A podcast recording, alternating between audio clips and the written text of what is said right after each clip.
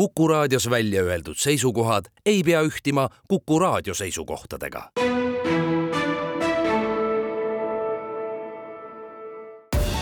Tartu linnasaade tere kuulama saadet, mille neli esimest intervjuud räägivad Tartu õpetajate palgaleppest, streigist ning tulevikust. seejärel teavitame teid Tartu uue linnakirjaniku valimisest ja tema loomingulistest kavatsustest ja lõpetame suusatamisega, sest alanud on tasuta treeningud Tartumaa suusatalv rekordiga ning ees ootab pühapäeval ka ülemaailmne lumepäev. ühtekokku seitse usutlust Need on teinud Madis Ligi. haridustöötajate liidu juht äh, Kalle Kalda, kas saite seda, mida tahtsite? ütleme niimoodi et, et üheksakümmend protsenti. viimane lõpp oli veel tükk rebimist selle tõttu, et äh, see diferentseerimisfond, mis on see direktori vaba raha fond ja mida sellel aastal suurendati, kolm protsenti või kolm protsendipunkti varasema seitsmeteistkümnelt kahekümnele, et sealt oleks võinud pisut näpistada veel äh, alammäära tõusuks aga noh, linnavalitsus ja ka koolijuhid olid sellele väga vastu. aga see on ikkagi traditsiooniline, et igal aastal sõlmitakse siis linna ja Haridustöötajate Liidu vahel leping, mis paneb palgamäärad ja puhkused paika? no senimeil see traditsioon ei ole nüüd juba aastaid katkenud jah, sel aastal oli ta tõepoolest siin katkemise ääre peal, sellepärast et tekkis nagu teatud äh, vastuolu selle üldise üleriikliku streigi laineharjal ja oli siin ka õpetajatel ja ka Vabariikliku Haridustöötajate Liidu nagu selline soov, et me lepingut ei sõlmiks, et saaks Tartu õpetajad ka nii-öelda täie rinnaga ja pikalt streikida, ehkki algusest peale oli reaalne, et või selge, et Tartus see reaalne ei ole, erinevalt Tallinnast, kus see streikimine kinni makstakse, aga nii vabariigis kui ka Tartus tekkis osadel haridustöötajatel selline tunne siin meedia info baasil, et, et see ongi nagu normaalne ja et äh, streikimine makstakse kohalikus omavalitsus nende töötajatele kinni. kui palju siis need inimesed, kes haridusasutustes äh, töötavad, olgu lasteaedades või koolides, palka keskmiselt juurde saavad? no siin on, reaalne on viie, viie ja kuue protsendi vahel, aga alammäärad muidugi tõusevad kolm koma üks protsenti. nii et see kolm koma üks protsenti on see, mida kõik kindlasti saavad, ülejäänud siis võivad saada rohkem, kes seda lisatööd, lisatööd teevad. mida ütleb võrdlus vabariigi teiste piirkondadega? see on äh, mõnes mõttes kurb, et äh, vabariigi teised piirkonnad ei ole suutnud oma nii palju, kui seal neid ametiühingu liikmeid on, neid nii palju kokku võtta ja, ja ka midagi paika panna, sellist kohaliku omavalitsuse ehk, ehk oma selle koolipidajaga selliseid alammäärasid, sellepärast et kui kollektiivlepingut ei ole, midagi ei ole, siis on ikkagi asi sellel tasemel, et iga õpetajale määrab sellise palga äh, direktor, selle palganumbri. tõite siin välja ka võrdluse Tallinnaga, mida see räägib? no ma tõin siin mõne võrdluse välja jah, ja et äh, kui näiteks veel kuni selle aastani oli Tallinnas klassijuhataja tasu alammäär isegi kaks korda väiksem kui Tartus, siis nüüd küll jah, ühelt poolt seal linnapea korraldusega see määr kahekordistati, aga ta jääb ikka Tartule alla, nii et praegu ütleme, Tallinn võiks suuremalt toetada oma haridustöötajaid tegudes, aga sellepärast, et võimalusi talle rahalisi on loomulikult rohkem kui Tartus. kui palju puhkust juurde saite? no puhkusega on siin olnud see asi, et üsna pikk loetelu töötajatest, kes Tartu lepinguga on juba mitu aastat saanud võrreldes nende riiklike alammääradega üks nädal enam tasustatud puhkust, nii et nende tasustatud puhkus on tänu sellele lepingule olnud äh, nädala võrra pikem ja sellepärast me Tartu Haridustöötajate Liidu poolt ka sugugi ei tahtnud, et selle lepingu traditsioon meil katkeks. linnavalitsuse haridusosakonna juhataja Reho Raave kas see leping nüüd aitab kaadrit paremini kinnistada ja tuua ka uusi koolmeistreid ülikoolilinna üldhariduskoolidesse? jaa, no ma usun küll, et kuigi alampalga osas ähm, leppisime kokku, et hetkel alampalk jääb nii, nagu riigis on kehtestatud, siis kõik muud, äh, muud äh, sellised soodustused või, või töö olukorrad on lepingus ka reguleeritud, näiteks puhkuste pikkused, et Tartu teatud kategooria haridustöötajatel on täna võrreldes seadusega pikemad puhkused. Ja mis on oluline märkida, on veel see, et kõikidel koolide, lasteaedade töötajatel kui seadus ütleb, et põhipuhkus on kakskümmend kaheksa päeva, siis Tartu kollektiivlepinguga sellest aastast on neil õigus kolmekümne viie päevasele põhipuhkusele. loomulikult õpetajatel on need puhkused pikemad, viiskümmend kuus, nelikümmend üheksa, nii nagu seadus ette näeb, aga, aga see kollektiivleping tõesti kehtib kõikidele meie haridusasutuste töötajatele. olgu ta siis koolipsühholoog või koolikokk? absoluutselt. õpetajast rääkimata? õpetajast rääkimata pedagoogide poolt pani lepingule käe alla Tiiu Laan. kas see, millega te läbirääkimistel läksite, kajastub ka lepingus? No läbirääkimistele minnakse alati suuremate lootustega, kui lõpuks sealt uksest välja tullakse. et meie soov oli ikkagi ka töötasu eh, üle arutada, meie ettepanek oli, et Tartu linnavalitsus leiaks vahendeid eh, õpetajate alampalka tõsta viis protsenti, siis me oleks kaalunud ka toetusstreigi ärajätmisest, kuid paraku see plaan siiski ei õnnestunud.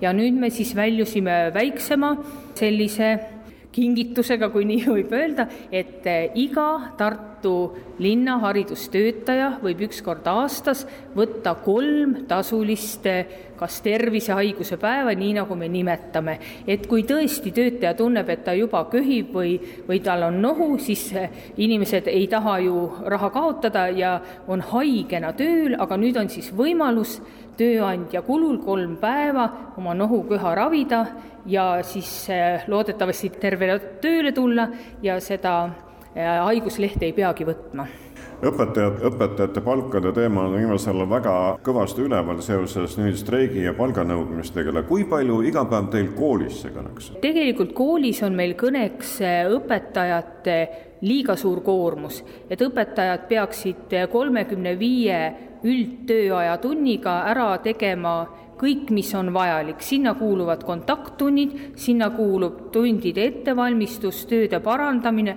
koosolekutel viibimine, lastevanematega arenguvestlus, lastega teatrisse ja nii edasi, et te saate isegi aru, et need tunnid paisuvad kuuekümne, seitsmekümne tunnini. nii et riik maksab õpetaja töö eest ainult kolmekümne viie tunni eest, aga need ülejäänud kolmkümmend viis jääb lihtsalt maksmata ja õpetaja teeb tasuta tööd, et see on nüüd see kõige suurem probleem. kui läheneda sellele lepingule nüüd äh, peatse streigi valguses äh, taustal, siis äh, kas ülikoolina koolide õpetajad hakkavad streikima või see leping seda ei lase või ei luba? ülikoolilinna õpetajad kindlasti streigivad kolm päeva, sest see leping on üks vaheetapp ja see kindlasti meid ei rahulda aga ma olen väga optimistlik, et me järgmise aasta lepingus suudame juba palju radikaalsemalt oma nõudmisi sisse kirjutada. ja lisaks sellele siis, eh, kuna meil on eelmisest aastast kollektiivleping, mis ei luba meil eh, üldstreigist osa võtta, siis me saame teha kolm päeva toetusstreiki ja nüüd siis see uue aasta leping eh, siis ka lubab meil teha ainult kolme päeva toetusstreiki. aga kui me teeme seda väga efektiivselt, siis on ka abiks see väga suur ja rõhutan siis seda, et kahekümne neljandal jaanuaril on Tartu Raekojas suur Tartu linna ja haridustöötajate miiting, kus tulevad kõneisikud vestlema, rääkima ja kutsun teid kõiki kuulama. abilinnapea Lembit Kaplinski, millised punktid nõudsid rohkem läbirääkimist, võtsid enam aega? Ma arvan, et kõige rohkem aega veetsime me tegelikult töö ja pereelu ühildamise reeglite üle arutades, kus linnavalitsuse seisukoht on see, et siin peaksid asutused ise oma kollektiividega võtma rohkem vastutust ja leppima omakeskis kokku, mis on mõistlikud äh, reeglid, et millistel puhkudel on õigus saada vaba päeva, millistel puhkudel võib töötaja kodukontoris töötada ja nii edasi. et päris ülelinnaliselt ühtseid reegleid on siin ma arvan, natuke ebamõistlik kehtestada. täna me jõudsime kompromissile, kus kõik meie haridusasutused vaatavad oma töökorraldusreeglid üle, arutavad kollektiiviga läbi, aga teatud olulised fundamentaalsed põhimõttelised kokkulepped on sätestatud kollektiivlepingus. olulised perekondlikud äh, sündmused, tervisepäevade arv, sellised asjad. aga näiteks äh, just nimelt kaugtöö korraldamise reeglid ja tingimused, ma arvan, et iga asutus on meist, linnavalitsus, pädevam neid kokku leppima oma töötajatega. ja äh, mina isiklikult näen, et nende asutusesiseste läbirääkimiste juures meie sotsiaalpartneritel võiks olla oluline roll kanda kuna tegemist on vägagi vilunud ja kogenud läbirääkijatega, pean ma nüüd äh, tõdema. kui vaadata nüüd sellele lepingule rahalises plaanis, mida see linnakassale tähendab, kas suhtarv äh, Tartu linna eelarvesse hariduse peale on sama või nüüd äh, suurenes? ma linna tervikeelarve vaates ei saa sellele küsimusele vastata, sest äh, seal me arvestame äh, nii-öelda haridusvaldkonna kuludesse sisse ka koolitoidud ja kõik, äh, kõik need. aga täiendavalt on meil tõusnud tavapärasest tõusurütmist äh, ennakuga on tõusnud abiõpetaja ja õpetaja abide töötasu, kus palgatõus on neliteist protsenti. me oleme tõstnud huvikoolide magistrikraadiga õpetajad üldhariduskooli õpetaja tasemele samamoodi, et need on täiendavad kulud võrreldes varasemaga. Äh, samuti oleme suurendanud ka lasteaiadirektorite äh, nii-öelda vaba fondi umbes kümne protsendi võrra nii et jah, see kollektiivleping toob varasemaga võrreldes täiendavaid rahalisi kohustusi siin pidulikul allakirjutamisel teatasite juba, et veebruaris-märtsis algavad järgmised läbirääkimised, nii et tuleb küllalt pikalt seda atra seada. jaa, selleks, et läbirääkimised oleks sisukad, on mõistlik saada kokku enne sügist ja leppida kokku, mis on need suured ja põhimõttelised teemad, mille, mille üle me arutame. jah, töötasu on kindlasti alati üks nendest, siin ei ole küsimust. lisaks töötasule on oluline rääkida ka diferentseerimisfondi mõistliku suuruse üle ja samamoodi ja vot see, siia ma tahaksin nagu kaks rasvast joont alla äh, tõmmata. selle üle, et Eestis puudub õpetaja karjäärimudel. noor kooli lõpetanud pedagoog tööle asudes saab täpselt sama palka, mis tema staažikas kogenud kolleeg ma pean seda ebaõigeks ja ma arvan, et sotsiaalpartnerid võiksid aidata mõtestada lahti, milline on õige karjäärimudel, mis tõesti motiveeriks noori seda õpetajaametit valima Tartu linnakirjaniku kohta teeb otsuse kirjanike seltskond. Berk Vaher, mitu inimest kandideeris tänavu Tartu linnakirjaniku stipendiumile? kandideeris seitse inimest. on see tavaline? see on üsna tavaline jah, et tavaliselt see kuskil niimoodi kuue, kaheksa, seitsme kandis on. millest lähtudes otsus langes? sellest ennekõike, et on kultuuripealine aasta, kultuuripealine aasta programmis on oluline koht keskkonnahoiul, kultuurisuhetel kliimakriisiga, loodusliku liigirikkusega ka linnaruumis loodusliku liigirikkusega ja Maarja Pärtna on äh, neid teemasid oma loomingus kogu aeg käsitlenud, ta on seda käsitlenud poeetiliselt, äh, põnevalt ja, ja inimlikult.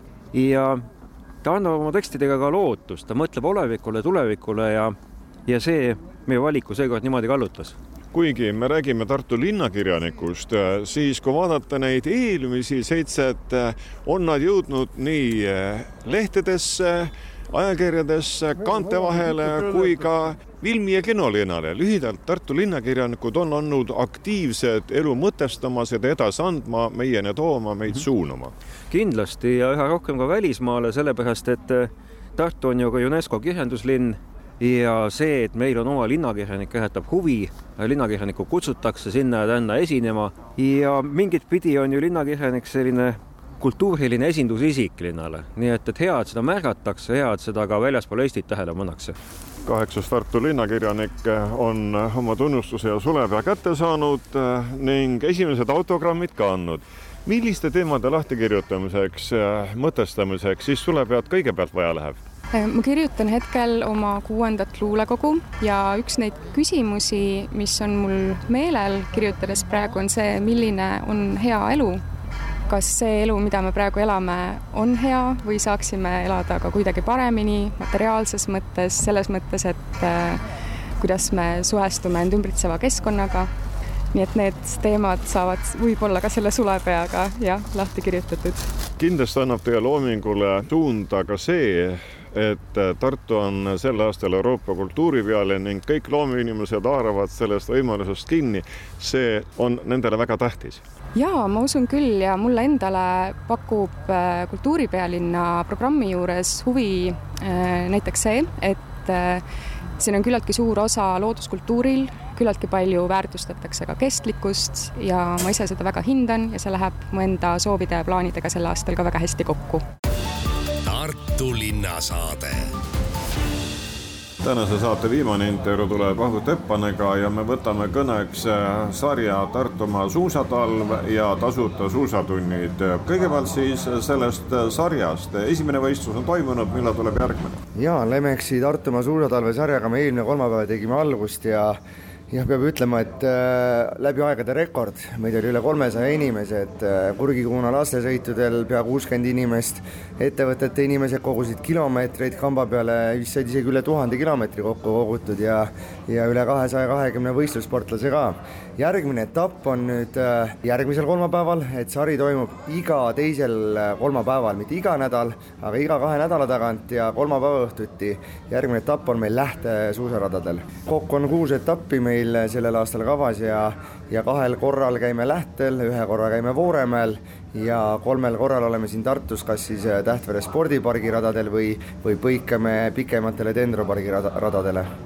kui pikad need distantsid tavaliselt on?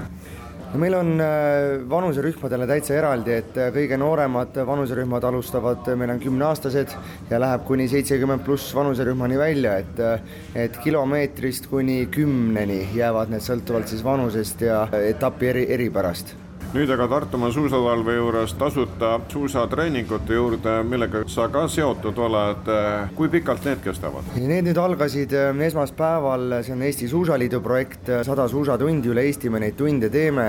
Ja see kestabki nüüd selle nädala pühapäevani. Ja, ja selle nädala pühapäeval on siis FIS-i rahvusvaheline lumepäev ja Tartus me Limpa suusakoolis tähistame oma suusakooli sünnipäeva, kaheksa-aastaseks saame ja kutsume kõiki Tartumaa lapsi sel päeval tasuta suusatundidesse. et varustust meil on ka siin laenutuses piisavalt, et kellel isegi varustust ei ole, et on paras aeg tulla lastega ja teha selle kihvti spordialaga tutvust. no praegu me siin Limpa suusakoolis oleme, elu äh, käib ja keeb ning võetakse suuski ja tuuakse suuski no tingimused on ju super, on ilma, on olnud külma, on olnud sula, põhiline, et on lund, see peaks tooma suusaradadele järjest enam inimesi, ükskõik, kes tahab siis tulemust taga ajada või lihtsalt looduses liikuda ja talvest rõõmu tunda.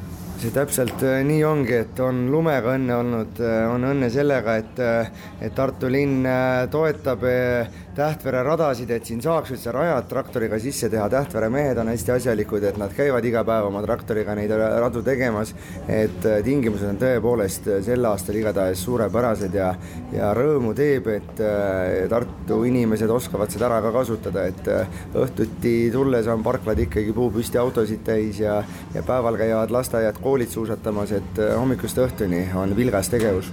on huvi ka treeningutele tulemise vastu kasvanud? siin Tartus on nüüd äh, Emajõe suusaklubi ja Tartu suusaklubi kaks klubi, et äh, mina arvan, et neil trennis käijatest puudus ei ole, aga kindlasti on ruumi. on mudilaste rühmi, on koolilastel tegelikult, kellel ikkagi suusatamise treeningute vastu ka huvi. ma arvan, tasub julgesti ühendust võtta, et Tartu suusaklubi ja Emajõe suusaklubi tegelevad noortespordiga ja suusahullude klubi on siis äh, harrastussportlaste ja täiskasvanud inimeste koolituste jaoks spetsialiseerunud. no kui sellised talved jätkuvad, siis ma arvan, et äh, varsti jõuame sinna kaheksakümnendate lõpu rekorditeni, aga siin Tartu maratonil vist neli tuhat inimest täitub juba, et ma julgustaks küll inimesi, et äh, pange kirja viiekümnes juubelimaraton ja viie tuhande piiri võiks ju tegelikult täis saada, et eh, ma ei mäletagi, kuna kas selle sajandi sees on üldse nii palju, pigem vist ei ole osalejaid olnud, et eh, teeme Tartu maratoni juubeli puhul siis osa, osavõtjate rekordi ka. mis east peale te siis oma suusakooli on ta teise väikesi kaasmaalasi vastu võtate?